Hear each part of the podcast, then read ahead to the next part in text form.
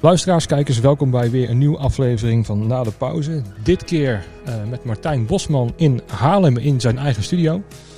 Het ziet er uh, goed uit, uh, Martijn. Ja, ja. ja, we zijn er heel blij mee. Ja, ik, ik, zie het, ja. We zitten hier nu een jaar of vijf, denk ik toch al. Het gaat, het gaat snel. En ja, we zijn er totaal gelukkig. We hebben hier de gedroomde maakplek waar we kunnen doen en laten wat we willen. En, en heel goed kunnen opnemen. En muziek kunnen maken, dingen van de grond af aan uh, opbouwen. Ja, dat, dat, zijn we alle. We zijn met z'n vieren. Mm -hmm. En zijn we jaren naar op zoek geweest. En uh, uiteindelijk kwam dit, uh, kwamen wij vieren en dit pand bij elkaar. En we zijn er super blij mee. Ja, want hoe is dat eigenlijk ontstaan? Uit een soort van behoefte aan toch een eigen plekje om iets te kunnen opnemen? Ja, ja, en het wordt natuurlijk, hè, zoals het altijd gaat, steeds meer. Hè? Je eisen worden steeds hoger. Je hebt een plekje. Dan denk je, ja, dat is een mooi plekje, maar ik wil eigenlijk toch wel echt goed kunnen opnemen. En uh, uh, vaak is het ook, uh, zit je ergens anti-kraak of tijdelijk, of je moet er weer uit. Of ehm, je wilt toch uiteindelijk iets permanents. En ook uh, het delen met mensen met wie je goed matcht, met wie je het goed kan vinden en die, die er een beetje op dezelfde manier in staan. En, uh, en ook elkaar aanvullen. Ja, ja. En, uh, nou, de, de, de, eigenlijk liep het zo uh, dat we alle vier um, weg wilden uit, uit, op, uit de verschillende plekken waar we alle vier zaten. En we waren al lang, we waren al een tijdje op zoek. We hadden ook wel eerder wat geprobeerd en het was er niet helemaal uitgekomen. Maar nu kwam dit pand op ons pad. En dat was ook in een tijd dat Um, de markt, zoals het, zoals het zo mooi heet, die was toen eigenlijk nog best slecht. Wat betekende voor ons dat we een uh, hele goede prijs konden bedingen hier. En, want we zijn natuurlijk ook weer niet zo kapitaalkrachtig. En uh, toen hebben, zijn we dit gaan doen. Helemaal verbouwen en uh, bloed, ja. zweet en tranen. Ja. toen dit helemaal af was, zeiden we tegen elkaar, dat doen we nooit meer. Volgende keer laten we het doen. We gingen zoveel mogelijk zelf doen om geld te besparen. Ja. En dan kom je er snel achter dat, uh, dat je daar eigenlijk alleen maar duurder mee uit bent. Ja. Omdat je tien keer verkeerd doet en dan moet het weer overnieuw en dit en dat. Maar het proces is toch veel leuker. Ja. Het bouwen van, dat is echt nou, wel dan van jezelf. Wij worden allemaal nog wel eens uh, gillend wakker van uh, die bouwperiode. Die maanden dat we hier allemaal stonden te zwoegen. Ik geloof niet dat we daar heel graag uh, naar terug willen. Oké, okay, ja, ja. Dus de volgende keer uh, aannemertje erbij. Ja, en, echt, uh, ja. echt 100 procent. Echt, het gaat tien keer zo snel en volgens mij ben je uiteindelijk ook goedkoper uit. Ja. Even een uh, korte introductie voor jezelf, voor degenen die jou misschien niet kennen. Ja. Um, ik ken je vooral van, de, ja, van Kane en Guus Meeuwis. Ja. Maar is het ook bij jou uh, echt bij Kane ook doorgebroken? Is dat daar begonnen of is het echt al veel eerder? Voor mij is het veel eerder begonnen. Kane was natuurlijk wel echt een hele bekende band. Dat is mijn eerste echt grote landelijk bekende band. Maar um, toen was ik wel al een jaartje of 15 bezig, denk ik. Ik was begin 30 toen ik bij Kane kwam. En eigenlijk de bekendste band daarvoor, en daar begon het echt mee uh, voor mij, dat was Gotcha uit oh. Haarlem. Ja. Uh, begin jaren 90, eind jaren 80, begin jaren 90. Um, en uh, ja, dat was ook een bekende, landelijk bekende band. Niet zo groot als Kane of Guus Meeuwis, maar in het clubcircuit uh, hadden we een, een, een, een, goede reputatie. En we hebben eigenlijk drie jaar lang, drie, vier jaar lang, zo lang heb ik erbij gezeten, bijna onafgebroken gespeeld. -hmm. En uh, daarvoor natuurlijk al honderd bandjes, zoals iedereen weet je wel, je begint. En ook heel lang uh, sessies gedaan en uh, bruiloft en partijen, coverbandjes, alles. En uh, maar was het eerste, daar begon het voor mij, um, ja, de, de, de, serieuze muziekcarrière, zeg maar. Begon daar. Ja, zo ja want is, ben je ook echt begonnen met drums? Of was het al vanaf uh, jonge leeftijd alles een beetje proberen en dan bij drums uitkomen? Of is echt drums je grote passie vanaf het begin? Nou, dat, het was eerst pianoles. Um, uh, mijn ouders uh, hadden, we hadden een buurvrouw, die was operazangeres. En die had op een gegeven moment iets bij mijn ouders uh, neergelegd van... Nou, volgens mij is hij heel muzikaal, dat ging dan over mij. Misschien moet je wel pianoles doen. En um, toen was ik acht en ik vond het verschrikkelijk. En vier jaar... Um, uh, op pianoles gezeten bij meneer Hazelzet, die altijd mijn cowboygeweer naast de piano zette, omdat ik vloekend en tierend, als een bewijs van grap natuurlijk, maar om zichzelf te beschermen tegen mijn uh, slechte humeur. Ik vond het, ik was echt niet te doen. Achteraf gedroeg ik me verschrikkelijk, maar ik zette me er ontzettend tegen af. En toen zei die buurvrouw weer, die operazangeres, die zei: Ja, maar hij is misschien ook wel ritmisch. Misschien is.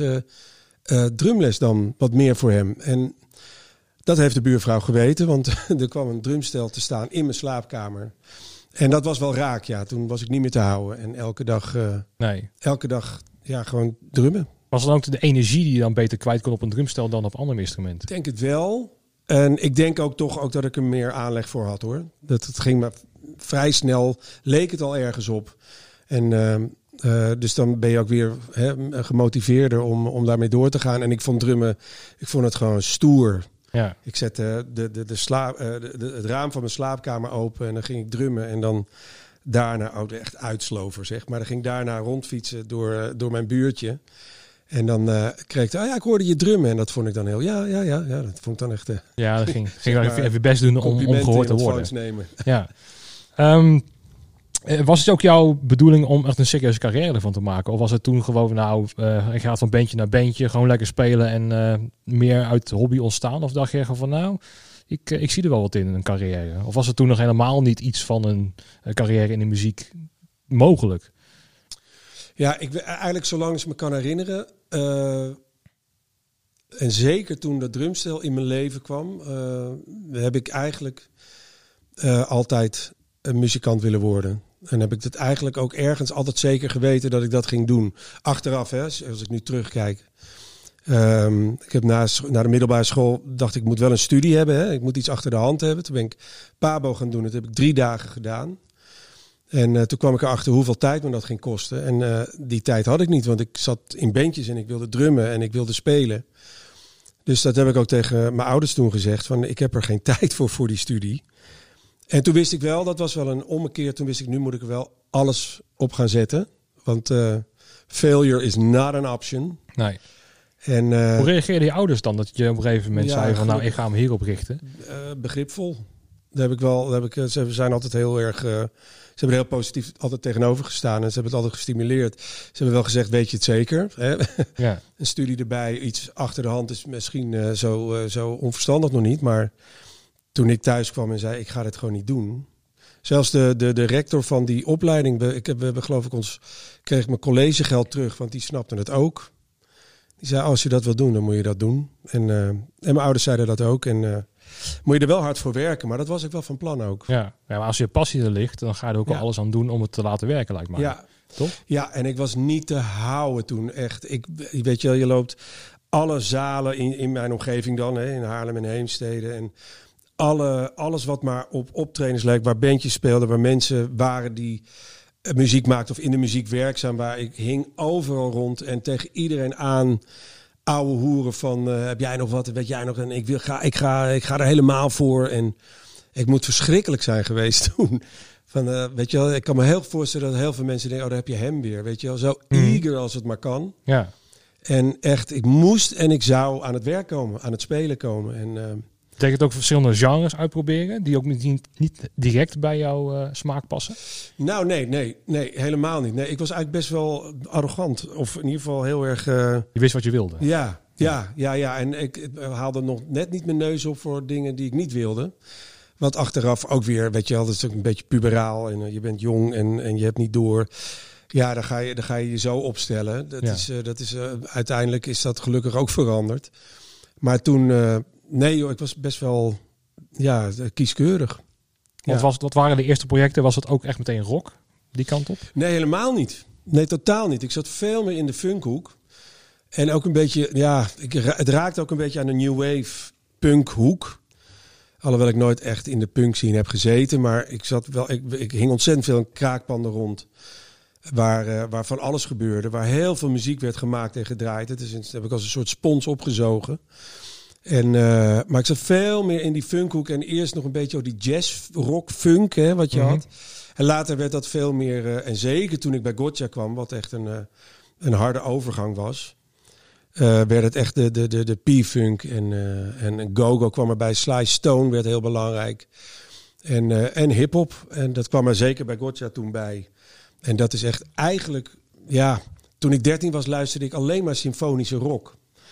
En later werd het meer jazzrock. En later ging dat meer de funk kant op. En, eh, en echt de rauwe funk kant op. Eh, het mocht vooral niet te glad zijn. En, eh, want daar keken we dan ook op neer. Hè. Daar schopten we tegenaan, zeker Mhm. bij Gotcha. En, ehm, Eh, stiekem vond ik dat ja, dan wel tof, maar dat durf ik niet te zeggen. Maar dat eigenlijk kan ik, eigenlijk daar kom ik vandaan. Ik kom meer, veel meer uit de, uit de soul, funk, hip-hop hoek dan uit de rockhoek. Ja, precies. Oké. Hoe is dan bij, hoe ben je dan bij Kane terechtgekomen? Was toch een beetje uit Den Haag? Een Ja. andere scene? Eh, of is het op een gegeven moment zo van, nou, je was je wel eh, zo omhoog gewerkt, om het zo maar te zeggen, dat je wel bekend werd in het eh, muzikale landschap, Ja. dat op een gegeven moment jij benaderd werd voor die, voor, voor die functie? Ja, ik werd inderdaad benaderd. Ehm, ja, inderdaad, het wereldje is toch redelijk klein, hè? Het muziekwereldje. En ik, had wel, ik had wel bekendheid als drummer. Dus ehm, ze waren alweer, geloof ik, aan een derde drummer toe of zo. Ehm, en toen kwamen ze bij mij uit en in eerste instantie had ik nee gezegd. Eh, omdat ik die plaat, de eerste plaat had ik niet ingespeeld. En eh, ook weer, ja, misschien wel arrogant, maar dan dacht ik, ja, maar dan vind ik het niet leuk. Op dat moment was Kane nog helemaal niet bekend, hè. Dat was helemaal aan het begin. En eh, ja, die plaat is dan al ingespeeld. Maar wil je wel dan live meedoen? Nou, nee, dit vind ik gewoon niet leuk. Ik wil ook die plaat dan doen. Oké. Nou, toen kwam die eerste plaat uit en ontplofte Kane, weet je wel. Dat Ja. werd meteen super bekend en groot. En eh, dan heb ik wel eens achter de oren gekrapt. Maar wat gebeurde er? Zij kwamen er niet uit met de drummer in die band. En zij gingen een tweede plaat maken. En op dat moment belden ze mij. En toen was het voor mij, ja, maar nu vind ik het. Toen zag ik ook inmiddels wat, eh, wat Kane eh, Ja. teweeg had gebracht. Dus eh, toen dacht ik, oh, dit is niet, dit, dit moet ik eh, als teken zien. Dit is geen, dit is geen toeval dat ze. Nee. In ieder geval, het is wel heel gaaf dat ik een soort van tweede kans krijg. En nu ook met, de met de plaat erbij. Want was dat je enige project waar je op dat moment mee bezig was? Of hield je nog wel je ogen open als zijn een sessiemuzikant van, nou, ik kan ook andere dingen doen? Of was het echt zoveel toeren, zoveel platen opnemen met Kane, dat je daar gewoon volledig op hebt gefocust? Ja, ik heb wel dingen erbij gedaan, maar dat is geen allemaal om de agenda van Kane heen. Ik vind, ik, daar moet ik toch altijd goed nadenken voordat ik ja zeg tegen iets, omdat ik het. Je doet het helemaal of je doet het helemaal niet. Ik ben geen eh, voorstander van invallers. Ik probeer het zoveel mogelijk te vermijden omdat ik dat, ik vind het heel relaxed. Ja. En, en, en eh, eigenlijk ook, weet je wel, als je dan ja zegt, zeg dan ook ja. En eh, zorg dat je die loyaliteit die je krijgt ook terug kan betalen. Ja. En dus Nou, het grappige daaraan is, Ja. wij zijn elkaar als eerste tegengekomen bij Sven Hammond Ja. in Sittard volgens mij, in een feesttentje. waar ik inviel. Ja, dat was jij de allereerste keer dat jij inviel inderdaad. Ja. En ik was ook een inval backliner. Echt waar? Jazeker. En ik hoorde helemaal niet bij Sven Hammond. Dat was de tweede keer dat ik met ze mee was. En dan was ik de gig dat de bassist niet op kon dagen. Ja, verdomd zeg. Ja, daar, daar waren wij als Oh, allereerste. Ja. wauw. Ja.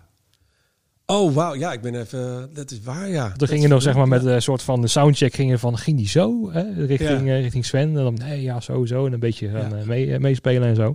Maar dat was sowieso een gig wat totaal niet hoorde zoals die hè, eh, hoorde Nee. te gaan. Weet Nee. je, gewoon geen bassist die kwam opdagen en dat was ook Nee. echt echt pissed off omdat hij er niet was. Hij was voor mij was ze ging om Glenn Gadam Jr. dacht ik. En die was voor mij in het concertgebouw in Amsterdam of zo. Die was gewoon Ja. een hele datum vergeten. Ja, er was iets fout En- gegaan met de agenda's, ja. Ja, Ja. en eh, zo, toen heeft hij ook echt... eh, eh, maar dat vind ik het leuke van muziek maken. Hij ging meteen improviseren. Dus had Ja. hij meteen zijn, zijn piano naast zijn Hammond neergezet. En dan ging hij gewoon de baspartijen op zijn pianootje meespelen. En dat is ook het talent van Sven ineens. Zo van, oh, je kan ineens omschakelen en ook gewoon baspartijen erbij spelen. Ja, dat, was heel makkelijk. Dat was best wel wicked hoor, hoe snel dat ging. Oké, dus hij komt niet, hij kan niet, hij staat ergens anders te spelen. Nou, weet je wel, dan, eh, dan los ik het zo wel op. Ja, En dat je er eigenlijk, eigenlijk niet echt wat van hebt gemerkt. Of in ieder geval dat het gewoon hartstikke goed ging. En ook kon, dat vond ik wel... eh was Ja. wel onder de indruk van eh Sven's capaciteit. ja. ja, en ik wist nog dat op een gegeven moment... was, ze hadden zijn basversterker wel neergezet, zijn Mark Bass. Ja. Maar die, die trok het niet. Zijn, Ja. die, die, die, die bassounds uit zijn piano. En toen dacht ik van, oh, ik heb nog een versterkertje achter in de auto. Ik denk van, nou, de bonuspunten gescoord natuurlijk als backliner. van, ik heb een reserve en bij me. Ja. En die trok het inderdaad. Dus uiteindelijk kwam het wel bij elkaar. En je speelde maar voor iets van 50 man of zo in een tent. Die waren van eh, Sven Wie. Dus ja, eh, een hè? beetje wel hè. Ja, ja, het dat was, was wel jammer. leuk daar, vond ik. Ja, het was Maar wel leuk. niet zo druk. Nee, maar ik vind wel dat, zeker bij, bij Sven Hammond, het, is, het zijn zulke goede, waanzinnige muziek. Ja. En die daar wordt gemaakt. En dan Ja. heeft het zo'n klein podium. Ja. Nog steeds wel een beetje. Daar verbaas ik Ja. me wel over. Want het lijkt me zo'n zo'n bandje van Boekenmaar. Want dat is altijd wel, eh, wel feest of zo. altijd goed, ja. Ja, ik weet het. Ja, dat is soms zo moeilijk eh, de vinger op, daar is zo moeilijk de vinger op te leggen van waarom is het ene bandje nou, weet je wel, gaat sky high. Vaak ook meteen, weet je wel. Ja. En het andere beentje lijkt dan daar veel moeite mee te hebben. Of blijft dan toch misschien eh, voor een wat kleiner publiek spelen. Alhoewel, in het geval van Sven Hammond, weet je, als zij door blijven gaan, dan kan het niet anders dan dat het op een gegeven moment boven komt drijven. Misschien Ja, is het, moet wel. I don't know, ik vind het ook te gek. Ik heb ook met veel plezier ingevallen toen voor Joost Kroon. En eh, ik vond het ook echt, weet je wel, large shoes to fill, so to speak. Mhm. Want eh, die partijen, ja, dat moet je gewoon goed doen. Dus daar kon ik wel echt mijn tanden in zetten. En dan vind ik invallen ook weer leuk. Weet Ja. je wel, daar leer je dan weer van als drummer. Ja. Maar ehm, misschien is het te veel muzikantenmuziek. I don't know. Nou, wat ik dan wel eens denk, is dat, eh, kijk, als ik dan naar de echte top 40 hits ga kijken, ook in het verleden van, van bands, is het vaak de muziek die ze zelf niet het mooiste of beste vinden, die Ja. sky high wordt. Ja, Eh, ik kan me nog bijvoorbeeld R.E.M. herinneren met Shiny Happy People. ja, Ja, ze hebben een scheidtekel aan het nummer. Maar toch is Ja. dat hun best hè, beluisterde nummer zo wat. En ik denk dat heel veel muzikanten zich focussen op van... oké, ik ga alleen maar creëren wat ik echt leuk vind. Hè? Ja. En dan op een gegeven moment... eh, dan ben jij je eigen... ehm, ja, hoe zeg je dat? Eh, bepaal jij voor het publiek wat mooi is en wat niet mooi is. ja. En ik denk, als je juist gewoon muziek uitbrengt, als je denkt van, nou, dat is wel een leuk melodietje, een beetje middle of the road of zo, dat kan misschien een, een, echt een hit worden. En dat zie je dan met de meeste bandjes ook, van oké, dan hebben ze één hitje die ze misschien niet willen spelen. Eh Una Polonka Ja, ja, van, ja. eh, hè, ook zo'n, hij, hij speelt met plezier, maar het is ook zo'n, ja, gewoon vrolijk muziekje die hij dan misschien niet als zijn de hit wilde uitbrengen, maar zo ontstaan die dingen. En ik denk dat dat ook een beetje sommige bands tegenhoudt om echt door te breken. Zie je dat ook zo? Poeh, dat weet ik niet. Dat vind ik, dat vind ik ontzettend moeilijk. Ehm, eigenlijk is er zoiets als eh, momentum. En eh, op, de, op de juiste plek, toevallig met het juiste liedje Ja. eh, uitkomen. En, en dan valt het allemaal en dan plotseling sta je daar. Ehm, maar er is zoveel. Als daar een recept voor is, of als daar een, eh, hè, een, een, een routekaart voor is, dan Ja. zou iedereen die volgen. Maar dat, dat is bijna niet. Dat is er niet. Nee. Nou, ik moet En ook meteen... lachen trouwens, moet, oh, nu jij dat zegt, moet ik altijd lachen om. eh, of daar heb ik wel. Ik ben eh onwijze Brian Adams fan. En die schreef dus voor een film, ik weet niet eens meer welke, Everything I Do, I Do It For You. Ja. Beetje een draak, vond hij zelf ook. En dat Mhm. werd aller, aller, allergrootste hit. Ze had wel eens tegen in interviews gezegd van... Oh shit, hier zit ik de rest van mijn tourleven aan vast. Ik Ja. kan het niet maken om dat nummer niet te spelen, weet je wel. Daar Precies, komen de mensen ja. voor. Ja. Maar, eh, More Than Words Extreme, ook zoiets. oh, al die huisvrouwen. Ja, Die ja. dat is zo, oh wat een leuke jongens en wat zijn ze knap en wat een leuk liedje. ja, precies. En dan die eh, plaat opzetten. En, Nou ja, nou, nee, nou, li- nee, sterker nog, naar het live optreden gaan, oh ja. zeg maar. En dan een gegeven moment zo van, is dit het? Hmm. En op een gegeven moment, eh, ja, en dan de diehard fans, op een gegeven moment, dan, dan zegt de zanger zo van, nou, eh, gaan jullie maar naar de wc, want eh, we gaan hem spelen. en dan, nou, alle vrouwtjes weer naar voren. Aan de andere kant, als je die hit hebt, More Than Words, dan zou ik zeggen, hell yeah, weet je wel. Tuurlijk. In hun geval is het ook hun, eh, hun, eh, hun, eh, hun inkomen en hun ticket Ja. ouder heer geweest. Ja, ik moet ook meteen denken, nu ook, ook met jou met, met Guus Meeuwis associeer, Ja. dat op een gegeven moment een reclame was op tv. En ook dat dan echt zo van, kadek, denk, oehoe, Ja. zeg maar. ja, wat was het ook alweer? Ja, ik weet het niet meer wat voor reclame dat was. Maar dat was ook zo van, ja, Dikke ding. Oehoe. Ja, wat, wat, wat worden nou hits en wat niet of zo? precies. Ja. ja. Die vond ik heel grappig. Nou ja, Ja, Guus, het, ja, de is natuurlijk, weet je, wel, daar beginnen veel mensen over. En eh, we spelen hem niet altijd, maar wel, ja, wel vaak. Ook vaak in allemaal andere arrangementen. Ik denk ook dat, ja, eh, het zal niet zijn favoriete nummer zijn in zijn oeuvre. Eh, maar het heeft hem wel gebracht tot waar hij eh, nu is. Zie je dan ook dat Guus Meeuwis iets, ja, misschien is een beetje raar om te zeggen, maar commerciëler denkt in, het, in de zin van, oké, nou ja, dit breng ik uit, want dat zou misschien een hit kunnen worden. Of is het ook gewoon bij hem van, hij maakt echt wat hij Ja. echt zelf tof vindt? 100% dat laatste. En dat vond ik heel. Weet je wel, toen ik bij Ja zei tegen Kane, toen Gotcha en alle dingen die ik daarna deed, zou je kunnen eh, zetten in de wat meer alternatievere hoek van de muziek. En eh alternative, weet ik veel, 3 voor 12, eh, eh, hoe je het wil noemen. En ik was daar eigenlijk op uitgekeken, omdat ik dacht, of een beetje op uitgekeken, het gevoel dat ik vast kwam, vastliep en stil kwam te staan. Dat ik dacht, ja, ik draaide het in mijn eigen cirkeltje Ja. rond hier. En we spelen vaak voor half lege zalen. Dat moet je dan op de koop doen. Het gebeurt maar zelden. Bij Gotcha was het dan wel. Maar alle andere dingen, ja, dat kwam ook niet echt van de grond. Je verkocht niet veel plaatjes. Je speelde voor halfvolle zalen. En op een gegeven moment raakte ik steeds nieuwsgieriger. Nou, wat is het dan uh, uh, wat muziek of bandjes succesvol maakt? Waarom is een bandje als Kane uh, en later dus ook Guus Meeuwis. Waarom is dat dan wel? Waarom werkt dat wel? Is het niet omdat het slechter is? Dat geloofde ik niet. Nee. Of platter of wat dan ook. En um, wat is het dan? Wat, is, wat wordt er dan van je gevraagd om muziek te maken voor een groot publiek? En dat vond ik super interessant.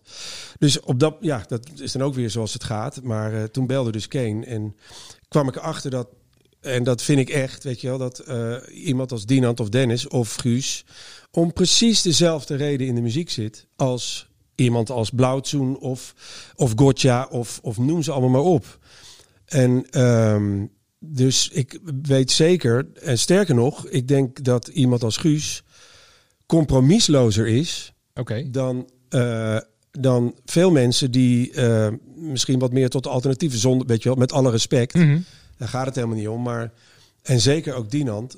En dat vond ik heel gaaf om achter te komen. Dat had ik namelijk van tevoren ook niet gedacht. Nee. Maar Guus die zingt geen lettergreep die hij niet meent. Echt geen woord. Nee. En um, uh, zeker in het begin, weet je wel, Heddense Nacht vind ik... Dat was mijn guilty pleasure destijds toen dat uitkwam. We zaten, ik zat toen in een heel heavy funk bandje na Gotcha. En dat, wij keken elkaar dus aan. Dat is eigenlijk stiekem gewoon een supergoeie, supergoed liedje. Ja, Ja. dat mag, mag je niet vinden. Maar dat vonden we eigenlijk wel. Ja. En wij allemaal ook in dat bandje. Dat was wel grappig. Maar goed, ehm, dat is, daar is geen woord aan gelogen of bedacht. Nee. Dan moet ik meteen denken aan een nummer van Kane, waarom ik ook aan jou moest denken voor de podcast. Op een Ja. gegeven moment zat ik zelf te drummen. Ik kan helemaal goed drummen, maar goed, hè, gewoon, eh, gewoon in een studiootje. Ja. En ik zat voor mij eh, Let It Be te drummen. Ja. Omdat ik, ja, je voelt gewoon wat daarin zit. In, in, in, in zijn, in ja, wat hij wil overbrengen. ja. Dat was hem net na het overlijden van zijn toenmalige vriendin of vrouw, dacht ik. Eh, Nee, Let It Be. Nee, nee, nee. Nee, dat was daarvoor. Oké, dat dacht ik dat het daarover ging, maar dat is helemaal niet waar. Nee, nee. Ehm, nee, dat, was, dat stond op So Glad You Made It. En toen... Mhm. Nee, nee, nee. Dat was daarvoor. Eh, ehm, ik zou niet precies voor Dinant durven spreken als het gaat over waar, waar hij dat liedje, waar het over gaat en waar het voor bedoeld is. Nee, zij eerst eh, eh, overleed een hele dierbare vriendin van hem. En later zijn vrouw dus. Het is allemaal heel heftig en dramatisch. Maar het is allemaal daarna geweest. Oké. En Let It Be, ja goed. Het, het was ook een heel moeilijk nummer om te spelen. Omdat het voor hem heel veel betekende. Omdat het eh, op het eerste gehoor vrij simpel is. En simpel ook weg te spelen. En dat werd het dus helemaal niet. Want we, gingen, we zijn zo diep gegaan om te zoeken naar de juiste vibe. En de juiste energie en de juiste... Daar, eh, daar is uh, Dinant en ook de producer Michel Schoots. Dat wat mijn held was Ja. uit de Urban Dance Squad. Of tenminste, we kenden elkaar. Gotcha en Urban Dance Squad trokken een beetje gelijk eh, met elkaar op. Uh, en uh, die, hebben, die hebben er ontzettend hard aan getrokken om. We hebben dat liedje geloof ik wel 60 keer eh, overnieuw gedaan in de studio. Dat zo, ja? Ja, echt, echt heel vaak. Totdat het precies de lading had die zij wilden hebben. En het is leuk dat je dat dan zegt, dat je dat er ook uh, Ja, uithaalt. ja, dat- ik, ja dat, dat voel, voel je dan ook Ja, gewoon. ja. Hè? Dat ook de tekst die hij dan zingt ook echt, echt wel meent. ja, ja, oh ja. En, en normaal gesproken luister ik helemaal niet naar Kane, maar dat nummer kwam Ja. wel binnen. ja, ja, Voor oh, mij. gaaf. En eh, ook live uitgebracht, die semi-akoestische sessie Ja, uit 2007 uit mijn hoofd Ja. of zo, dacht ik. Ja, die is ook weer heel anders gearrangeerd. ja, Maar komt ook over. Ja. Zeg maar, dan zie je ook dat hij het echt op een hele andere manier brengt. En, maar toch ook heel erg meent. En dat Ja. vind ik wel mooi aan dat een nummer zich kan ook eh, evalueren. Ja. Snap je? Dat je Ja. iets hebt gemaakt vijf jaar daarvoor. En dat je dan daarin meegaat. Zie je dat in andere projecten ook? Dat, je, dat ze een nummer hebben gemaakt twintig jaar geleden. Dat dat dan toch zijn weg gaat vinden. Ook live. Ja, nou, eh, ja, zeker. Dat, eh, dat, eh, en je weet dat nooit precies van tevoren. Je schrijft naar eer en geweten en, eh, en naar beste vermogen. En, ehm, en er zijn altijd nummers waarvan je niet denkt die een eigen leven gaan leiden. En eh, eh, bij Guus is dat bijvoorbeeld Brabant. Wat hij eh, echt eh, ergens op, in, eh, op het Rode Plein in Moskou liep hij echt. Het is hier koud en... eh, en Ja. Eh, Ik ben hier eh, alleen. Ik, ben Ja. hier alleen en in een te stille stad. En het was gewoon letterlijk dat. En het is hier koud en ik, eh, ik denk aan Brabant, ik denk aan thuis. Ja. En dat liedje was, stond op volgens mij zijn eerste soloplaat. Dat weet ik niet zeker. Met solo bedoel ik, je had Guus Meeuwis en Van Gant. En dat, later werd het gewoon Guus Meeuwis. En ehm, dat was volgens mij helemaal niet... Op dat moment was ook geen single volgens mij. En dat stond gewoon op die plaat. En op een gegeven moment is dat opgepikt. En, en zeker live is dat... een nummer wat we altijd spelen. Ja, en volgens mij niet alleen in Brabant zelf. Want je hebt ook een aantal uitconcerten gehad. Voor mij in Heerenveen. Ja. En ik, ik was er niet bij hoor. Maar ik kan me wel voorstellen dat het publiek daar ook dat voelt of zo. Je Ja. woont niet in Brabant. Maar je, je hebt wel het gevoel van... Ja, dit, dit kan ik herleiden van... Oké, als ik inderdaad op reis ben of zo. Van, oh ja, ik mis thuis. En dan heb je dat... Ja, ik- krijg je wat gevoel erbij. Je zou bijna denken dat het, dat het zo bedacht is, maar er zit een zin in. Was ik maar op Brabant zo trots als een Fries. Dus dan sta je in Herenveenstadion, dan kan je ook niet meer stuk. Nee. En eh, ja, dat was heel leuk, die, eh, die uitoptredens, ja. Ja. Herenveen, ja. ja, want in deze periode zou het de eh, concerten zijn, toch? Ja. Ja, we hadden, van de week hadden we een promo voor, bij Bo voor zijn nieuwe single. Mhm. En dat was de vrijdag, dat was het weekend van Groots. Dus we zeiden wel tegen elkaar, dit, dit ik heb nu... eh, oh, normaal gesproken, dus daar zaten we... Oh, de vrijdag, oh ja, dan heb ik al minstens één avond toch iets te veel gedronken. ja, precies. Normaal gesproken. Hoe gaat eh Guus er zelf mee om? Want kijk, met hem zal het wel uiteindelijk ook financieel gezien wel redelijk goed gaan. Maar er zit ook een hele crew omheen die dat opbouwt en Ja. die daarvan leeft. En daar zitten we nu middenin. Ja. Heb, eh, heeft hij goed contact met iedereen, ook met jou en met, eh, met, met iedereen? Of? Ja, ik denk in, in het begin is iedereen een beetje op zichzelf teruggeworpen geweest. En had je ook echt de, lockdown, de, de intelligente dan wel. Maar was er wel een lockdown. Dus er is er niet heel veel contact geweest. Op een gegeven moment komt dat weer op gang. Ga je elkaar appen of bellen van... hé hey man, hoe is het bij jou? En eh, hoe ga je ermee om? En eh, lukt het allemaal? Trek je het allemaal? Red je het allemaal? En eh, ik weet zeker, dat heeft hij ook wel gezegd... en wij allemaal, dat het wel een enorme klap hoor... toen dat uiteindelijk eh, definitief niet doorging, die, die grootste concerten. Het was zijn jubileumjaar, hè? 25 jaar in het vak, 15e, 15e keer groots. Ehm, en dat wordt dan, eh, ja, dat wordt dan op een gegeven moment definitief. Je ziet het al aankomen, het hangt al in de lucht. En Ja. je weet eigenlijk al dat het gaat gebeuren. Maar op het moment dat je die knoop definitief doorhakt, is dat nog steeds wel een klap. En daar heeft hij echt wel last van gehad, dat weet ik zeker. Ja. En eh, ja, eh, iedereen heeft het op zijn of haar manier geprobeerd te rooien. ja. Want denk je ook dat er een kaalslag zal plaatsvinden? Dat je op een gegeven moment volgend jaar Guus zal uiteindelijk wel gaan optreden in, in Ja. Eindhoven. Maar ja, wie er dan nog over zijn, dat is natuurlijk weer de vraag. Ja, nou, het, het, toevallig, ja, ik had het er dus, hij eh, zit hier nu ook bij, met Gabriel laatst erover. Die zei, ehm, ehm, en dat vond, zo had ik het nog niet bekeken, er verdwijnen gewoon heel veel hooggekwalificeerde mensen. Het zijn niet zozeer de bedrijven, de mojo's of, of, of, in jouw geval ook. eh, er zullen ook wel bedrijven in de problemen komen, hè, eh, in de serieuze problemen. Maar het gaat vooral om het verdwijnen van eh, eh, gekwalificeerde mensen. Ja, kennis Eh, vooral. ja, kennis dus, inderdaad. En uit de techniek, uit, uit de, de catering, de horeca, de, de- alles wat je kan bedenken, vervoer. Dus verdwijnt heel veel. Want die, al die mensen gaan wat anders doen als dit. of zijn er al nu wel mee bezig. Als, Ja. Stel dat volgende zomer er ook uitval, dat het nog steeds niet kan. Ja, of op de helft Ja, dan wat, wat we gewend zijn. ja, ja, zo. Ja, dan verdwijnt er gewoon kennis. Ja, nou ja, En die heb je hard nodig Precies, voor festivals. eh. Ja, want ik spreek op zich leveranciers regelmatig Ja. daarover, van hoe het gaat. En freelancers, die kunnen wel makkelijk iets anders vinden. Maar ja, Ja. bedrijven met voorraden of met ja, dat je een specialisatie ergens in hebt. Ja, dat is zo lastig. Het Ja. is zo lastig. En ze blijven nog wel optimistisch. Sommigen trouwens helemaal niet hoor. Die zeggen van nou, als het nog eh, x maanden duurt, dan, eh, dan houdt het gewoon echt op. ja, En precies. eh, ja. ik denk dat dat, ja, dat wordt ook niet in de media verteld, van hoe schrijnend het is. Ja. Dat je gewoon 30 jaar succesvol een bedrijf hebt. ja. En het gewoon in één zomer wordt weggevaagd. En wat er vergeten wordt. Want eh, vanaf de buitenkant ziet het eruit van, nou ja, zomertje festivals, we maken het uit toch? ja. Hè? Een half jaar eh, minder omzet. Zo van, nee. De meeste bedrijven hebben dus de piek in de zomer zitten. Dus dat betekent vorige, eh, afgelopen winter, nou, weinig verdienen. Nou, dan ga je het tegencompenseren in de zomer. Die valt weg. Dan gaat er een winter komen. Nou, is ook niks. En volgend jaar zomer is ook weer de vraag of het hè, doorgaat op de schaal zoals het gewend zijn. Ja. Dus het perspectief is ook gewoon zo, op dit moment, hè, we praten nu in juni, is het vrij echt zo slecht dat je denkt van ja, sommigen denken van nou mijn spaargeld of het geld wat nog in mijn bedrijf heb zitten, dan haal ik er maar uit en ik, ik ga iets anders zoeken, want ik kan wel geld in blijven pompen, Ja, maar precies. Ja. weet je, het heeft op een gegeven moment geen zin meer. En eh, daar ben ik wel blij dat bijvoorbeeld jij nog wel door kan met eh, opnames van dingen en dat eh, Guus ook weer dingetjes gaat doen, heb ik begrepen. Want, kan je het even uitleggen wat hij gaat doen in 013? Ja, nou ja, het, het, ehm, hij belde ons van dan kunnen we binnenkort een Zoom-conferentie houden.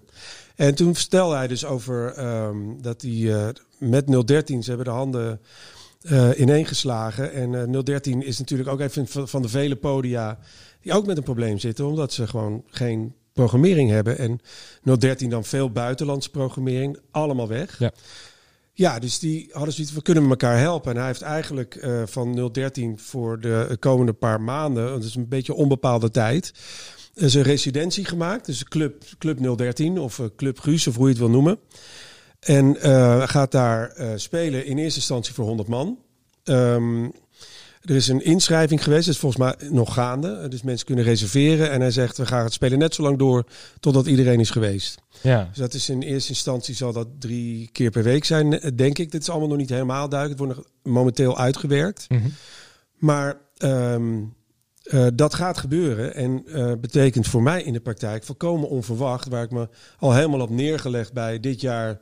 Vergeet het maar. klaar, ja. het is klaar. En eh, die agenda blijft leeg. Ga maar lekker voor de kinderen zorgen. En, en, en, en, en, en meer zal het niet worden. Nu opeens ziet het ernaar uit dat ik het hele najaar toch weer aan het spelen ben. Is het dan ook het perspectief wat hè, van hoop dat er weer iets gaat komen, dat dat eigenlijk beter doen dat het dan het financiële aspect wat erbij hoort? Want je, natuurlijk moet je gaan middelen daarin. Ja. Maar is het eh, eh, eh, uitkijken op, een, op iets nieuws? Is dat het vooral wat, wat je dan overeind houdt? Dat denk ik wel. Als je een stip aan de horizon hebt, kan je daar naartoe leven. Ja. En daarom is het inderdaad wat jij nu net schetst voor heel veel bedrijven en, en, en mensen in, in, en ook hè, ZZP'ers, noem het allemaal maar op, in, de, in deze sector. Ontzettend lastig, omdat die stip er niet is. Het is zo onzeker allemaal. En ook dit, dit hele plan kan ook weer mislopen. Er Ja. kan weer een uitbraak komen en dan wordt alles weer plat gegooid. Ja. En dan zitten we allemaal weer thuis. Ja. Dus er blijft die angst voor, voor, voor een grote uitbraak weer. En, eh, maar ik, heb, ja, ik prijs mezelf echt gelukkig met eh, het spelen bij Guus. Want ik heb wel nu dat perspectief. Precies. er gaat wat gebeuren. En ook maar, ik merk het ook, eh, en dat zal hopelijk hebben meer mensen dat. Eh, muzikanten om me heen. Van, er wordt ook weer opeens toch weer veel opgenomen en zo. Ik heb in een anderhalve week tijd begonnen opeens de appjes en de telefoontjes te komen. En ik heb het eigenlijk volkomen onverwacht weer best wel druk de komende paar maanden. Ja, Er staat ontzettend veel. Ook echt veel opnemen. Ja. En eh, veel studiowerk. Dus ik ben, eh, ja, ik prijs mezelf nogmaals echt gelukkig. Ja, dus dat is ook wel iets wat je op hebt gebouwd dan door de jaren heen. Hè? Want Ja. eh, je hebt natuurlijk al wat, wat kilometers gemaakt in dit vak. Ja, Maar ik kan me wel voorstellen, stel dat je nu een muzikant bent die net op doorbreken staat. ja. Hè, die het dan deze zomer misschien met de promotour ja of, en dan niks. En dan kan je wel een, een, een, een Zoom-concert gaan geven. ja, Maar welk publiek is er? Er is niks. ja. Zeg maar. Want je moet je nog bekend gaan maken, in de picture gaan spelen. Ja, nee, En- precies. Als je, wat ik trouwens te gek vond, weet je wel, wat Direct heeft gedaan. Je geeft een, hè, een online concert eh, waar je op kan intekenen, waar je kaartjes voor kan kopen. En, eh, maar dan ben je Direct. Of je, of je bent Guus, weet je wel. Dat, Ja. Je bent bekend. Je hebt een naam, je hebt een, een eh, fanbase en dit en dat. Maar als jij net begint. Ik zit ook, weet je, ik werk met Blackbird. Dat is een zangeres, Merel Koman. Te gek bandje, te gekke zangeres. Super goede liedjes. Die had net haar plaat, die stond op punt van uitkomen begin maart. Helemaal zelf betaald. Maanden, zo niet jaren mee bezig geweest. Ehm, en patsboom, klaar. Ja. Weet je wel, tour eruit, plaat is wel uit, maar Ja. je kan er niets mee doen. Ja, dat is verschrikkelijk. Ja. En, en wat ik dan echt ongelooflijk vind, en te gek ook, we zitten in de creatieve sector. En dat zie je niet alleen bij, bij, bij Blackbird, maar ook bij andere bandjes. We doen meteen allemaal dingen, weet je wel. Niemand lijkt bij de pakken neer te zitten. Iedereen neemt toch op de een of andere manier eh, eh, initiatief. Noem het, het kan alle kanten op, maar eh, laat ideeën stromen om toch, weet je wel, eh, ja, weer weg te vinden om muziek te kunnen blijven maken. En dat vind ik wel te gek. Alleen het is natuurlijk wel, je moet reëel zijn. Er is voorlopig geen droog brood te verdienen. Nee, dat niet. Nu zie ik wel een voordeel bij muzikanten. Want je kan inderdaad op welke manier dan ook, kan jij je eh, muziek laten, eh, of in de wereld Ja. eh, laten Ja. tonen. Ja. Dus of het nou of live is, wat we dan gewend waren, nou mag even niet. Live op Facebook kan. Je kan als Douwe Bob gewoon naar buiten gaan en, en spelen. Wat een verhaal. Wordt dan wel weer verboden, maar ik denk aan de andere kant ook weer goede PR. Ja, ik vond het ook een goede stunt. En ik vind ook, ik geef hem volkomen gelijk. En, en ik weet niet of het een stunt was. Eh, het, het is goede PR, maar het is ook goed dat. Ik hoop dat er de discussie, eh, die is al op gang. Maar door zo'n incident als op de Schelling, hoop ik dat er nog meer eh, discussie over gaat komen hoor. Want het Ja, is want, eigenlijk heel raar dat je naar het politiebureau moet als iedereen daar gewoon keurig op anderhalve meter in het gras zit. ja, want ik vind dat muzikanten over het algemeen nog redelijk braaf blijven in deze tijd. Ja. Ik had echt wel wat, zeker wat andere genres verwacht. Laten we zeggen de Rage Against the Machine kant. Van, Ja. eh, Ja, ik- politieker, ja. Ja, gewoon dat er veel meer statement werd gemaakt. Zo van, ja, weet je, je eh, als artiest word je wel live monddood gemaakt. Want je kan niet optreden. Dus je kan je, je artistieke performance niet maken. Ja. Ehm, dus je kan ook niet uiten hoe jij wil. Ja. En ik denk dat de mensen nog redelijk eh, braaf blijven in deze tijd. En ja, dat er dan geen anderhalve meter wordt eh, eh, aangehouden. En dat dat er meteen een schande wordt gesproken. Nou, dat... Ja. Ja. weet je, eh, ik kijk ernaar zo van, nou, ik had echt wel verwacht dat er nog vele malen meer muzikanten gewoon letterlijk op straat gaan staan en gewoon Ja. gaan spelen. Ja. En als er dan ineens een publiekje komt, ja, dan kan hij niks aan doen, zeg maar. En dat er dan alsnog Ja. gewoon eh, 200 euro in die bak ligt, dan heeft hij toch weer geld verdiend. Maar ik had veel meer initiatieven op, op dat vlak verwacht. Of dat er iets naar het Malieveld zou gaan eh, vanuit onze branche. Maar we blijven toch wel redelijk braaf, denk ik. Ja, maar ik vind het sowieso iets van de laatste jaren. Dat eh, als je het vergelijkt met de jaren tachtig, toen er een enorme crisis was. eh, eh, waar, nou, niet, daar kwam de punk niet uit voort. Maar als je ziet hoeveel bandjes daar en muzikanten, artiesten uit voor zijn gekomen. die echt tegen alles aanschopten wat ze maar konden vinden. En weet je wel, super eh, tegen alle autoriteiten aan en tegen ja, kwaad en Ja. activistisch. Ja. En dat is iets wat je sowieso heel weinig ziet eh lately. Nou ja, de, de nieuwe eh, eh, activisten zijn degene die, die Black Lives Matter steunen bijvoorbeeld. Ja, maar dat heeft nou ja. niks met de muziek te maken. Ja, ja. Maar toch Ja. zie je dat, dat daar een nieuwe generatie opkomt. Zo van, wij pikken het niet meer. Misschien is dat wel gaande, ja. Ja, Nou, je dat ja zegt. ik zie dat zo. Ja. En dat, dat die generatie terecht ook zegt tot hier en niet verder. Ja. En ik vind het een hele goede ontwikkeling hoor. Ik heb wel het gevoel dat er een geest uit de fles is. Niet zozeer de coronafles, maar wel die Black Lives Matter beweging. Ja, echt hartstikke goed. En zelfs dat proberen ze nog, eh, behalve in Amsterdam dan, Ja. nog op anderhalf meter afstand te houden. Dus ze luisteren ook nog een keertje naar de autoriteiten om het zo netjes te houden. Ja. Terwijl als ik het, eh, ik was er niet bij in de jaren 80, want zo ben ik helemaal niet. Maar als ik dan die beelden terugzie en zo, het was gewoon veel groffer destijds. Ja, van, eh, weet je, we laten ons niks wijs maken. harder in. Ja, nee, er werd echt niet geluisterd naar niks of niemand. Nee. En ook eerder nog, hè, de jaren zestig, hè, de, de, de, de, de, de, de, gevechten met de politie en eh, Ja. al dat soort dingen. Of daar in ieder geval hè, in strijd met de autoriteiten. Het Ja. moet allemaal anders. Fuck de vorige generatie, weet je wel. Weg met ze. Ja. Eh, en dat was wel, dat was ja, revolutionair toch. En dat, nou, ik hoop het. Misschien is de nieuwe generatie wel zo.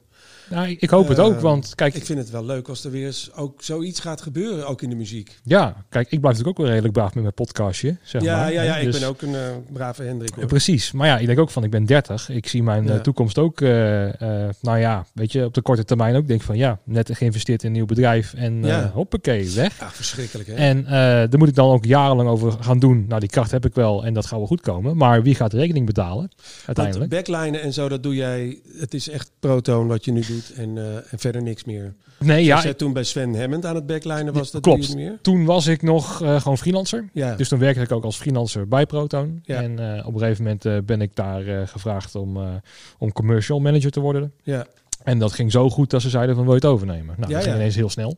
Maar in die tijd was ik gewoon nog, nog freelancer. En was ook gewoon alles aanpakken wat je al kon aanpakken. ja. En, maar op dit moment, ja, ik heb een schuur vol met instrumenten. Ja. En eh, dat is nu in de verhuur letterlijk waardeloos. Ja, Alleen, ja. ja. mochten we weer wat dingen doen, is het weer waardevol. Ja. En we hadden, waren er wel weer bij bij de Ziggo Dome bijvoorbeeld, waar we dan voor Duncan Lawrence een eh, pianootje mochten leveren. Maar dat is één piano. ja, weet dat je? schiet niet op. Nee, normaal gesproken op een, op een groot festival hebben we iets van tussen de 15 en 25 bandjes. Plus nog alle DJ's die we bevoorraden. En daar zit ons verdienmodel in. En ehm, ja, daar hebben we, dat was gewoon echt een gezond bedrijf. Ja, En als je dat gewoon nu bekijkt, zo van ja, dat mag niks. Maar welke kant ga je nu op? ja, Hè, zo van ja, ik kan mijn instrument wel gaan verhuren aan particulieren. Maar ja, Ja, waarom? ja daarom, weet Ja. je. En eh kan het kwijtraken, ze kunnen het verkopen op Marktplaats. En eh, heb je weer een hoop ellende. oh man. Weet je, dus eh, je, hebt, je hebt ergens in geïnvesteerd. Aan de andere kant denk ik ook weer zo van, ja, weet je, jammer dan, er is niks meer. Eh, zo is het leven. En we moeten door. Nou, ik heb me wel bijzonder gestoord aan politici. Het wordt bijna een politiek gesprek dit. Maar eh, die zeggen ja, ZZP'ers of de mensen in de... Hè, dus dus eh, ondernemers hebben dat risico genomen. En die moeten... Je kan je toch niet indekken tegen zo'n pandemie, tot tussen, te- te- tegen zo'n lockdown. Nee. Welk risico? Ja, je, je, je, je bereidt je voor als het goed is op mindere tijden. Ja, Maar niet op een totale stilstand. Nee. Dat vond ik heel stom. Nou ja, ik, vergelijk- het wel eens zo van tegen een belastingadviseur van, er bestaat gewoon geen belasting meer voor een jaar. Ja, Nou ja, wat ga jij dan doen, ja, zeg maar? ja. Want je hebt je namelijk opgeleid tot belastingadviseur. Ja. En daarna, ja, wat dan? Ja, ga jij lekker, lekker vakken vullen met je 55, ja. zeg maar. Ja, ja, precies. Je hebt bewust dat, risico genomen. Ja, precies. Kom Terwijl dit gaat buiten ons om. Want als het ons ligt, wij willen graag naar buiten, wij willen dingen doen. Ja. Maar wij mogen niet ondernemen. Want dat is ook, eh, dit is een redelijk unieke crisis. In, dat, in dit opzicht van, je mag het niet eens doen. Het is Ja. gewoon verboden om een evenement of, of om op te treden. Dat is Ja. voor mij nog nooit gebeurd. Nee. Dat, dat, hè? En dan kan je wel zeggen, inderdaad, buffertje. Nou, die hebben wij dan nog wel. Maar ja, mijn, mijn buffer was investeren in, in het bedrijf. Want het is Ja. namelijk hè, kansen zien en, en pakken. Ja. Ehm, dus het is wel heel makkelijk praten. Ja, veel, veel te makkelijk. En een buffer, ja, een bu- maar je hebt niet een buffer voor twee, drie jaar of tweeënhalf jaar. Dat heeft geen één Eh, bedrijf. nee, dat heeft niemand. Ik denk als de, als eh, de Ziggo, als Ja. die eh, zeg maar geen tv meer mag uitzenden voor het komende Ja. half jaar en ook alle abonnementen staan stil, Ja, dan wil ik kijken of hun het nog overeind houden. ja echt hè. Weet je? Maar die, ja, dat is dan eh, bij ons. Wij zitten weer in het artistieke vak. Zo van, nou ja, eh, toch een beetje een hobby hè, waar we mee bezig zijn. Is toch vermaak. En, eh, want Ja. voor mij was het toch ook weer dat, eh, dat ze dan carnaval als zijn de vrije tijd wilden gaan eh, labelen. Dat, dat ze daar geen steun kregen of zo, geloof ik, eh, in de Oh, cultuursector. dat is langs me heen gegaan, Oké. dat weet ik niet. Ja, dat werd dan ook weer genoemd van nee, het is eh, vrije tijd.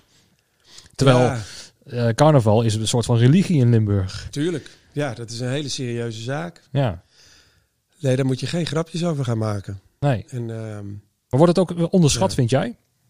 ja, ik, ja en nee. Ik denk dat die eh, anderhalf... Ja, ik, ik neem het toch wel serieus hoor, die anderhalve meter regel. En als blijkt dat het anders ook veilig kan... dan hoop ik dat. Ik vond het heel interessant om te lezen dat de evenementensector bezig is met... je moet niet kijken naar hoeveel mensen in een zaal... maar je moet kijken naar hoeveel mensen op, verkeer- op, op, per vierkante meter. Ja. En of je dan het ook coronaproof allemaal kan organiseren. Dat nou, vind ik een heel interessante invalshoek. Ik denk ook dat ze daar gelijk in hebben. Ehm, ik weet niet meer wat ik wilde zeggen. Oh, dat geeft niks. Nou, ik was er zelf bij bij de Ziggo Dome, maar inderdaad 30 man. Ja, Het ziet, er, nergens op, nee, toch? het, het ziet er ook raar uit. En eh, ik ben echt van mening dat, dat mensen dat nu doen van kijk eens hoe belachelijk het is. Van, dit ja, ja, niet, zo. Nou, terecht. Ja. Weet je? Eh, maar ook weer bezig blijven. Ik was hartstikke blij dat ik erbij was. Ik weet ook wel wat ik wil, wilde zeggen. Van, ik, ben niet, ik behoor niet tot de... ehm, eh, de, de- eh, ik, ik ben niet van de tegen de anderhalve meter regel community, zeg maar. Ehm, ik denk echt dat, dat, dat we een beetje voorzichtig moeten zijn. Ja. En, eh, Rekening houden met elkaar. Rekening houden met elkaar en zorgen dat dat virus, eh, zolang er geen vaccin of medicijn is, zich niet, eh, zich niet weer verspreidt. Want dan zitten we weer met de Ja. gebakken peren. Het is, alleen, het is alleen al uit economische overwegingen, weet je wel. Hou nou even een beetje Ja. rekening met elkaar en dan kunnen we hopelijk toch sneller weer aan het werk. ja. Vind je dan ook niet ehm, dat... Los even van de, de mensen die eraan overlijden natuurlijk. Ik bedoel, dat de Mhm. menselijke kant is ook... eh, maar dit, dit komt er dan ook nog bij, vind ik. Ja. Nou ja, ik denk dan zo van vanuit ondernemer zo van ja, ik wil wel dingen doen of een organisatie wil wel iets doen, maar we mogen het niet. En Ja, je ja, gaat nu ook, ja. je krijgt nu ook dingen dat uh, uh, Wildeburg Festival, die wordt nu een camping. Ja, het camping mag wel. Dus ja, die gaan gewoon een andere naam benoemen, maar ze gaan in feite ja niet helemaal hetzelfde doen, maar Mm. toch uh, de grens weer opzoeken. Om, om het door te laten gaan. En nu wordt het veel meer een, een, een regeltje van: oh, oké, als jij onder die categorie valt, dan mag je wel iets doen. Ja, dat is gek, hè? Zeg maar. Ja. En uh, hetzelfde met Tim Akkerman, die dan uh, in Ja. een vliegtuig gaat optreden. Of ging optreden, wat een hoax is. Maar goed, ik vond het toch een goed idee. Want ja, vliegen mag wel. Ja. 500 man erin. En uh, akoestische gitaar mee. En, en gaan. Zo van: ja, als je iets anders labelt, mag het ineens wel. Terwijl als je erover na gaat denken: van, hmm, is toch wel heel erg raar. Ja, dat gaat ook nog wel. Dat wordt ook een, dat wordt een pittige discussie. Dat, dat, dat, dat, Daar kom je ook helemaal niet uit. goed kunnen uitleggen. Nee, daar kom je niet uit. Daar komen Nee. zij, de, de, de politici ook niet uit. Dat, dat, dat- daar klopt gewoon iets niet aan. Nee. En eh, ik hoop ook dat het iets gaat opleveren in de zin van dat ze dat ook wel gaan inzien of zo. Hè? Dat, dat, er, dat er toch meer mogelijk gaat zijn. Want Ja. Die totale stilstand is rampzalig. Precies.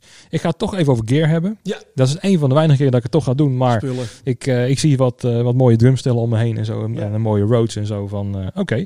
Ja. Ehm, wat was jouw aller, allereerste drumstel? Poeh, dat weet ik niet. Een, een merkloos iets. Ik denk een Maxwin of zo. Of, een- of een oude Pearl. kreeg, ik kreeg die van een vriend van mijn zus. Die is een paar jaar ouder dan ik. En die had nog een drumstel slingeren. En die zei, nee, neem dan dit maar.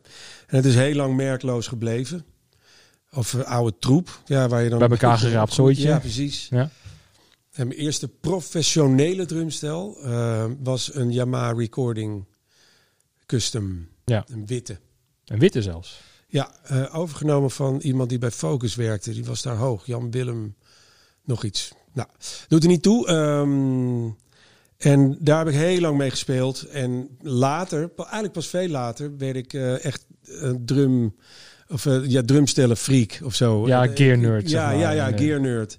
Exact. Want in het begin had ik eigenlijk alleen die set. En nog één set erbij.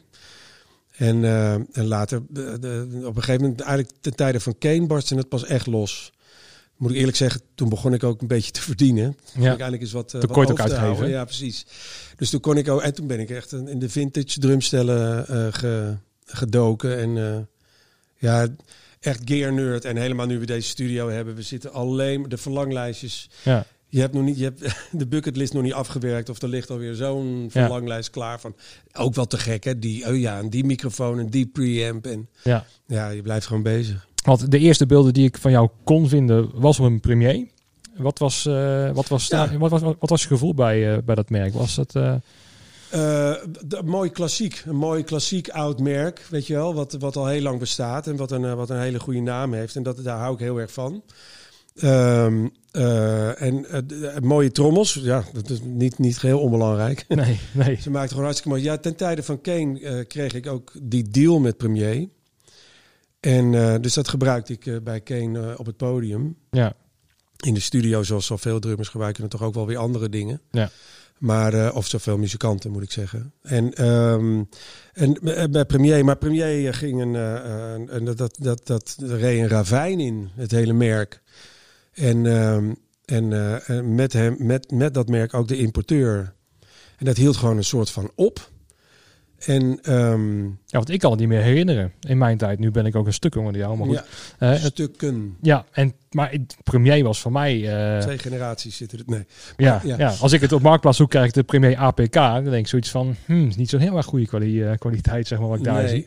Ehm, maar destijds was het echt gewoon... Ja joh, Britse- Genista, je had Premier Genista. En, maar ook de oude Premiers vintage. Ik heb nog een paar vintage sets, die zijn prachtig. Echt prachtig. En ook specifiek, weet je wel. Het karakter van de Premiers is toch weer heel anders dan eh, bijvoorbeeld een Ludwig of een Slingerland. Ja, want toen ik de ene keer met jou heb samengewerkt, toen kwam ik wel eh, bij je. En toen had jij voor mij iets van een Ludwig bassdummetje en een Rogers floortommetje Ja. volgens mij. En ook een beetje met elkaar geraapt. Ja, dat vind ik altijd wel leuk. Ja. Ja, Had je op Lowlands volgens mij ook, hè? ja. ja. De laatste keer. Ja, ik rommel altijd wat aan. Ja, En daarom heb ik na premier kwam Ludwig en dat was ten tijde van Guus. En eh, daar ben ik toen mee gestopt omdat ik dacht ik heb zoveel mooie oude sets en ik durfde ze een tijd lang niet mee op tour te nemen, maar bij Guus dacht ik het kan wel, weet je, wel, daar wordt echt heel goed mee omgesprongen. En toen dacht ik ik wil gewoon vrijheid, de vrijheid hebben om welke set dan ook neer te zetten die ik maar wil. ja, En vooral oude sets en eh, alleen maar vintage, vintage, vintage. En eh, totdat ik werd geattendeerd op een, op een nieuw merk. En ik, ik had echt besloten, ik neem geen deal meer. Ik ga geen deal meer of Nee. endorsement meer aan. Dan heb ik lekker mijn handen vrij. Maar toen kwam British Drum Company langs. En eh, de eh, Bauer, vroeger van Premier... eh, lang verhaal kort, maar die voor zichzelf begonnen heeft dit met een aantal mensen opgezet. Daar werd ik op geattendeerd, herhaaldelijk, van ga nou, kom nou een keertje luisteren. En dat ben ik komen doen. En toen was ik zo, ik heb me echt zo onder de indruk. Ja. Het wordt, moet geen eh, commercial worden, maar Nee, nee, nee, maar ik, ik, ik herken het gewoon. Ja. Weet je, het is... eh, ik zo'n te gekke sound. En alsof het, eh, weet je wel, nieuwe sets, nieuw gebouwd. Die die klinken alsof ze uit de jaren 70 of uit de jaren 60 komen. Dus het- de taal, dat mooie vintage karakter wat er Ja. al in zit. Maar dan met ronde ketels in plaats van ovale ketels. Exact, exact alle voordelen van, eh, van, van, van nu gemaakt. Ja. En, eh, Ja, want dat vind ik ook mooi, dat er nieuwe merken komen. Ik ben dan altijd iemand die naar nieuwe dingetjes zoekt. Vind ik Ja. leuk, zeg maar. Van oké, als er een nieuwe microfoon is, wat doet hij? Wat is anders dan de vorige? En eh wat was met, met de British Drums ook zo? ja, Ook zo van, wat is dat nou? En eh, nou, op een gegeven moment eh, ging ik maar naar de NAM Show. Hè, de allereerste keer denk ik, nou, als, eh, als eigenaar gewoon even kijken wat daar te- zien is. En ook inderdaad gewoon, maar vooral de liefde die erin zit. Ja. En, en dat mis ik dan bij heel Ja. veel merken. Dat het gewoon lopende bandwerk is. En, maar het is echt, echt heel bijzonder. Ik ben ook bij die fabriek geweest, hoe ze daar, hoe ze daar bezig zijn. Het is echt, echt te gek. En dan is het, dan dacht ik, nou, dat vind ik toch echt tof ook om mijn steentje hier in Nederland eh, mede te kunnen bijdragen met een paar andere Ja. drummers en drumster. Eh, om, om, weet je wel, een soort van mee te helpen bouwen aan, Ja. dat, aan dat merk. En nou, dat, ja, dat, ja, dat vond ik toch wel weer heel, heel gaaf. En ehm, ja, het zijn, eh, ja, ik weet nog dat eh, eh, over British Drum die jij, jij hebt een set. Ja. Met Proton. Die hebben we toen voor Vrienden van Amstel Ja. mocht ik die gebruiken, omdat ik twee sets nodig had. Ja. En ik dacht bijna van, ik geef jou mijn set mee. En ik neem, ja, ja, precies. Ja. die, die klinkt ook, ja, het, het maakt niet zoveel uit. Ik bedoel, het zijn allemaal dezelfde kwaliteit. Maar man, wat een set is dat. Ja, ja, goed hè. Ja, Ja, maar ik zit, Ja. ook, ik, ik zit een beetje met een tweespalt met gear. Want aan de ene kant denk ik van, ik kan inderdaad heel erg precies op gaan kijken. Maar aan de andere kant denk ik van, als je een echt goede, goede muzikant bent, ja, dan kan jij werkelijk op alles wel een goede start uithalen. ja. Dat heb ik ook met, met gitaristen Oh, ja. ook. Zeg maar van, eh, eh, hè, als de basis goed is, vandaar ook hè, eh, kick, snare, hi-hat. Als je dat bij je hebt, dan kan je overal wat van maken. Hoe sta jij daarin? Al ben ik helemaal mee eens. Ehm, ik wil niet zeggen dat het niet uitmaakt. Zeker in de studio. Dan kan je heel specifiek zijn op Ja. welke trommels wat voor je gebruikt. Maar het is, ja, eh, eh, eh, ehm, eh, noem any drummer. Bill Bruford, Dave Grohl. ehm, eh, noem ze allemaal maar op. Chris Dave. Chad Smith. Exact. Ja. Zet ze achter welk drumstel dan ook. Die klinken als die persoon. Oud of nieuw of, of slechte set of goede set. Ja. Het sound zit, zegt ze, ook altijd in je vingers. Ehm, maar als hij dan toch in je vingers zit, dan helpt het wel degelijk als jij in de studio zit of als je live speelt, dat je Precies. spullen hebt die precies de kleur hebben en, en de toon en het karakter die bij die muziek past. Ja, denk je dat ook dat nieuwe muzikanten veel te veel op hun gear zitten te focussen dan op hun spel? Nee, dat geloof ik niet. Ik geloof dat, eh, de- de- zeker als je vanuit de conservatoria, die opleidingen, de conservatoria, die zijn duizend procent verbeterd eh, de laatste tien jaar, laten we zeggen. Ten opzichte van toen ik eh, opgroeide, toen ik bleef weg bij het conservatorium, want er werd alleen jazz gegeven. Niks mis mee. Maar voor mij als funk, punker, punk, funker of hoe je het wil noemen, was er daar gewoon niks te, niks te behalen. Nee. En nu wel. En ze komen zo goed opgeleid van de, van, van de, van de opleiding, van de, van de conservatoria. En kennis van gear, maar ook kennis van spelen. En van, van juist ook je bewustzijn van het zit in, in mijn vingers. En een enorm verschil ook met mijn generatie, met, met, met waar ik vandaan kom, is dat je nu internet en YouTube hebt. Ja. Alles wat je wil weten kan je meteen terugvinden. En eh, alle informatie die je nodig hebt, Ook gear reviews. Ja. ja, ja, ja. Gear reviews, maar ook, weet je wel, hoe doet die drummer het? Nou, zet een filmpje op. En, eh, en dat was vroeger natuurlijk niet. Dat hadden we niet. Nee. We moesten toch veel meer zelf uitzoeken allemaal. Nee. Nou ja, ik maak wel een beetje een trend mee dat op een gegeven moment, als, als dit er niet staat, dan speel ik niet. Weet je, dat, dat niveau. Ah, oh zo. Weet je, ja, ja. Ehm, terwijl ik ook denk van, nou, zullen we maar even zien of dat eh, waar is. Ja. Hè? Ehm. Want eh, ook als je kijkt, als we net op drumstellen gaan, gaan focussen. Er zijn natuurlijk zoveel soorten, types, dieptes, ook in backends en noem het allemaal maar op. Ehm, Zo van, ja, als, als, ik, als je al in de buurt zit van, oké, je wilt een, eh, een Zildjian Carope, maar je hebt een Constantinopel, ik zeg maar wat. Dan zit je al een beetje in die range te zoeken, zeg maar. Ehm, maar ik merk wel dat bij sommigen het is heel erg moeilijk van, nee, ik moet echt een, eh, een 17-inch crash in plaats van een 16 hoor, want eh, anders... Ja. En dan denk ik zo van, hmm, Ja, het zou het niet per... Ja, nee, dat, dat, dat, dat denk ik dan ook. Ik ben meer van de, de rekkelijken. Ik ben niet van de preciezen. nee. En het lijkt me juist lachen als jij dan ergens terechtkomt en er staat iets heel anders dan je wil. Is het toch kicken om te gaan kijken van oké, wat ga ik hier dan uithalen? En Ja. wat gaat het v- doen met de muziek? Ja, en dat, dat vond ik leuk. En dan moet ik meteen aan een eh, situatie denken op Constancy. Dat was denk ik twee jaar geleden, twee, drie jaar geleden. Ehm, eh, dat je Raccoon, Die, nou, hij Ja. speelt op, eh, op eh, Pearl. Ja. En dan hebben ze dan van die strandsessies. Oh ja, ja, ja. Daar zo. Ja, op dat andere podium. ja. Precies. En dan moet dan een set staan. Nou, dan moet je maar, Superleuk festival dus dan- trouwens. ja, zeker. Maar dan moet je iets gaan verzinnen vanuit, hè, want dan zeggen ze tegen mij van ja, doe maar een backlijntje. Ja. Nou, oké. Nou, dan ga ik al, eh, zoals ik ben, ik ga dan googlen wie er dan ongeveer spelen. En denk van, oh, wacht even, die, die en die. Ja. Dan, oh, wacht, ik doe dat wel. Ja. En ik, voor mij het eerste jaar dat ik het deed, toen heb ik gewoon ook maar een recording custom er neergezet. Want ja, is altijd goed. Ja. En toen met een Tama-sneertje. En eh, nou, op een gegeven moment eh, kwam die eh, zitten. En op een gegeven moment hun spelen, soundchecken en zo. En ik zag al Manu kijken naar, voor mij is Paul, de drummer. Ja. En zo van, zo, die snare, te gek. en op een gegeven moment echt, eh, toen ze afliepen, toen eh, liep hij naar mij toe, eh, Paul, en die zei van, die snare wil ik kopen. Ja, ja. Weet je wel? Ja. En eh, het was zo van, oh ja, zie je wel, heb ik toch het goede ding meegenomen. Ja. En, En Weet weet je- eer van je werk. precies. ehm, en dat vind ik ook leuker, juist aan backline. Dat je juist gaat kijken, oké, hoe kan je het voor die drummer zo, Ja. zo, zo goed mogelijk maken. Of gitarist of wie dan ook. Maar daarom is het ook weer juist te gek dat je niet krijgt precies wat je hebt gevraagd. Omdat je dan, anders kan je jezelf nooit verrassen. Of kan je nooit verrast raken Precies. van, eh, Want ook, wauw, wat is dit? ja, want van zijn endorsement, Pearl, ja, dan Ja. mag je niet over Yamaha spelen. Want het is dan, dat mag officieel dan niet. Maar Ja. joh, gewoon zitten. Want eh, eh, nou, je hebt hem zelf ook gehad, eh, zo'n set. Prima set. Ja man. Weet je, je kan er meteen over spelen. Ik kan me ook nog Joost Kroon herinneren op eh, ehm, eh, de uitmarkt zelfs nog. Toen speelde die met Hans Theeuwen was het, dacht ik, of zo. Dat hij ook zo'n eh, jazzgezelschap had. Ja, eh, met Benjamin eh, op, op, ja, ja, ja. ja. En die kwam ook gewoon binnen. Nou, Tama en Dorser volgens mij. En zo van, oh nee, joh, prima. En nou, oké, een beetje afstellen. En ook gewoon Ja. niet, niet eens zijn eigen snijder bij, zeg maar. Een beetje van, oh, een beetje stemmen. Wel en, nee, ja, dat is juist je? leuk. Je moet wel openstaan, vind ik hoor. Ja. En, en laat jezelf verrassen. Ja, En kijken wat het dan doet op dat moment. Weet je wel, wat krijg je terug van zo'n set? En eh, ja, ik kan in sommige gevallen wel begrijpen van, eh, mocht je een, een keyboard hebben waar je dan je sounds moet inladen, oké, dat is ja, dan een ander verhaal. Ja. Eh, eh, Samples of wat dan ook. precies, gitaarversterkers denk ik ook wel zo van, oké, dat kan ik nog wel snappen. Maar voor als je Fox wil, dat dan een Marshall niet fijn is.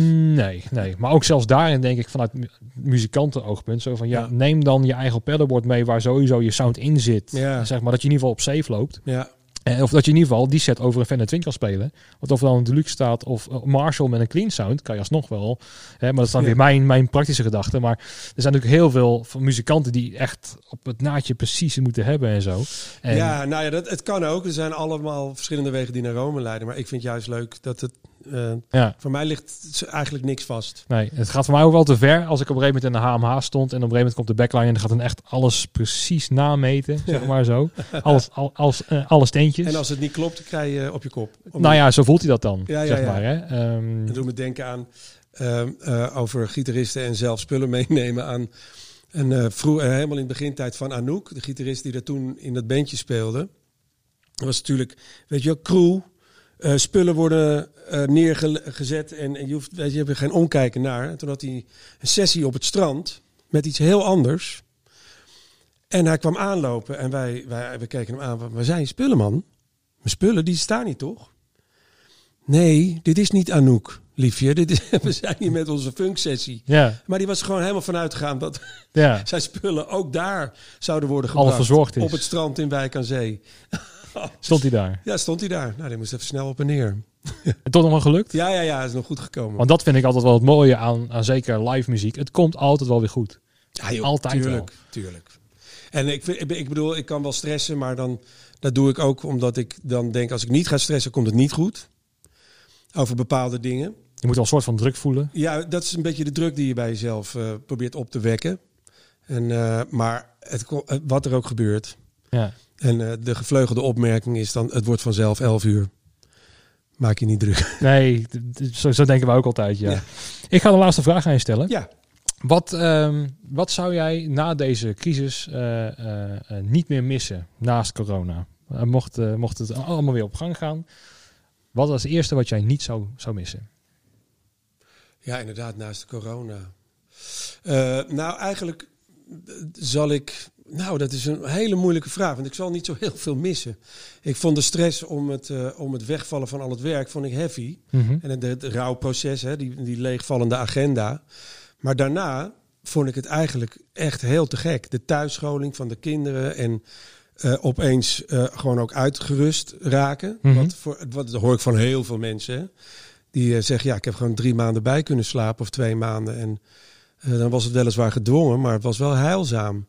Dus ik zou eerder zeggen, wat ik niet zal missen is als deze tijd voorbij is, is ehm, eh, de stress, de vermoeidheid. Ik hoop echt dat het me gaat lukken om dat een beetje beter in de gaten te houden. Ja. Dus voor mij is het omgekeerd. Ja. De corona zelf eh, en de hele lockdown, de hele situatie nu, missen als kiespijn. En, ehm, en wat ik ook zal missen, of niet zal missen, is de luchtvaartlobby. Nou, we moeten diezelfde mensen hebben, maar dan voor ons, eh, ons vak. Dat zeg je? Nou, Ja, die, die, mensen moeten we, die moeten we gaan inhuren, want ik heb zelden zoiets effectiefs. eh, kost wat, maar heb je, krijg ook wat. ja, precies. Zo is het dan, ja. Hey, uh, dankjewel dat ik hier heb mogen zijn. Ja, ja dankjewel. Uh, leuk dat je er was ook. Ja, zeker. En uh, nou ja, misschien dat we elkaar weer, ja, hopelijk weer snel kunnen zien op Ik een festivalletje. En ja. dat we elkaar dan wel de hand mogen schudden. Ja, precies. Hè? En dat we weer heel snel verder mogen. Ik hoop het ook, ja. Luisteraars, bedankt weer voor het luisteren naar deze aflevering. En ik zie je graag terug na de pauze. Tot de volgende keer.